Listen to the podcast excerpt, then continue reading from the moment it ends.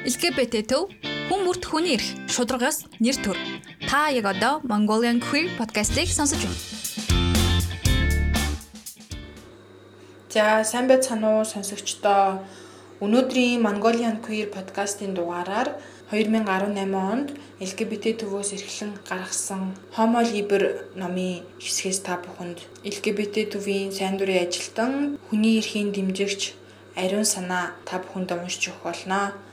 Homo Liber номыг та бүхэн худалдаж авч уншихыг хүсвэл Интер ном, Мир ном, Азхур номын дэлгүүрүүдээс аваарай. Аа мөн Диди Ханзоо болон LGBT төвийн офисоос ирээд арай хямдралтай үнээр худалдаж авах боломжтой байгаа шүү.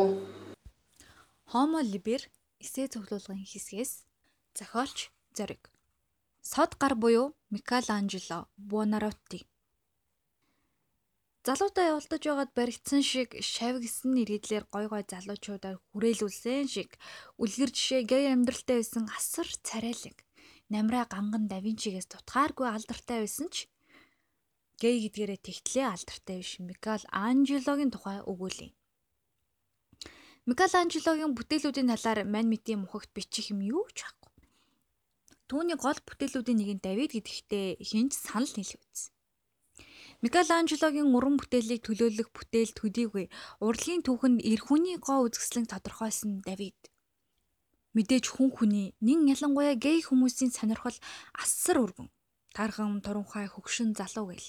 Гэлээч ихэнх гей залуучуудын сэтгэлийг булаадаг сайхан ир гэдэг бол мах шүлэн таарсан, биеийн тамир хичээлдэг байрын бие хаа.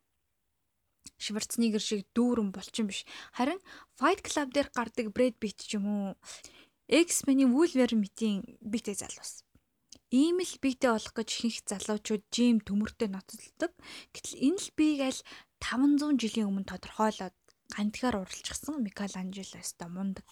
Микеланжелогийн залуу насных нь дурлал ямар хуу байсан юм бол? Микеланжело 14 тэйгөөсөө Медичигийн ордны зураач болно. 3 жил зарцуулан 26 наснда Давидыг хийж дуусгаад алдаршина. Хажуугаар нь Сан Петрос өмд Пьета гэмт олон алдартай бүтээлүүдэд нийтэд толиулна. Аргагүй л гоц авьяаст нь тунж залуугаараа асар ихийг хийж амжуулна. Ленардо да Винчи алдаршингуудаа л сайхан залуучуудыг шаваа болгож үлгэрийн юм шиг олон нөхөртэй амьдралаар амьдарч байсан бол ийм залуугаараа алдарсан Микеланжело ч бас тэгээ үзье гэж бодож магадгүй. Харамсалтай нь Микеланжелогийн залуугийн хайр дурлал амьдралын талаарх баримт баг үлдээгүй байдаг нь уран бүтээлчийн даруй зан амиртайч холбоотой байж магадгүй.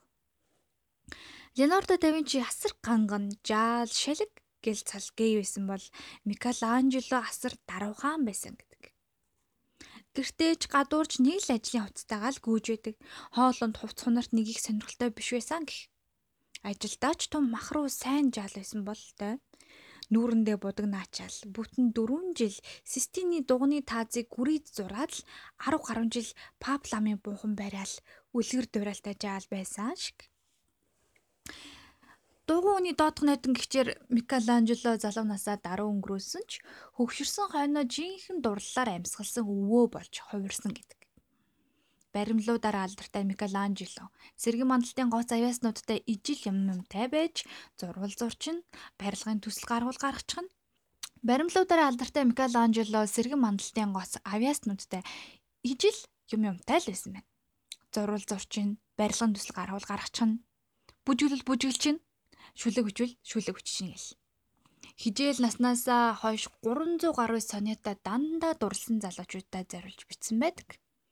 Микеланжелог 55 таад нь мөлхөтөл дурлуулсан нэгэн залуу байсан гэх. Түүний нэр нь Гавриэл. Ялалт нэртэй баримлын ялагчийн дүр нь Гавриэл байсан гэх. Царайлаг залуу байсан бол тэ Гавриэлигийн улан дорх хижээлэр бол Микеланжело өөрийгөө орлуулж барьсан гэх.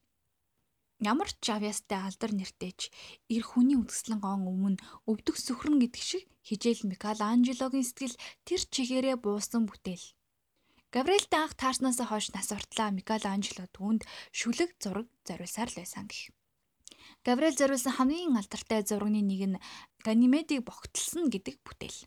Грекийн домогт Ганимед нь малчин жаал гэж гардаг ч энэ бүтээлд нас бид хүрсэн эр хүнээр илэрхийлсэн байдаг бөгөөд модель нь Гавриэл байсан гэгддэг. Мэдээж богтол шүрч буй шувууд Микеланжело өөрөө. Дараагийн гал халуун дурлал нь Микеланжелогийн 68 настайдаа учирсан 16 настай Чикино хүү. Жаал үгийн хөөрдөн байдал 90 цент хүрч бүгээр шүд байдлыг хослуулна. Чикини Микеланжело өвөө зад дурлсан шиг байгаамаа. Микеланжелогийн сэтгэлийг ойлгодог байсан Чикиногийн ав хахад ийм захиа явуулж байж. Дахиад түүн зариул чүлэг биччихлээ. Дахин дахин бичээл, дахин дахин завсарлал Энэ шүлгийг зүрхийг минь шатах тэрхүү гал дүлэнд минь хүргэж өгөөрэй. Нэрээ тийм. Нэг юм санаанаас гардаггүй. Өчигдөр би чикеног зүүдэлсэн.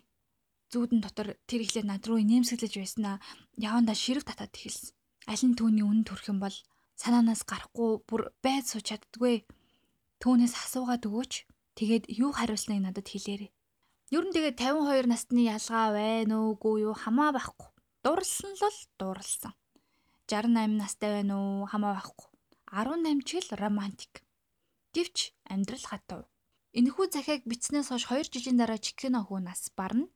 Гашуудалд авсан Микеланжело түүнд зориулж 50 шүлэг бичнэ.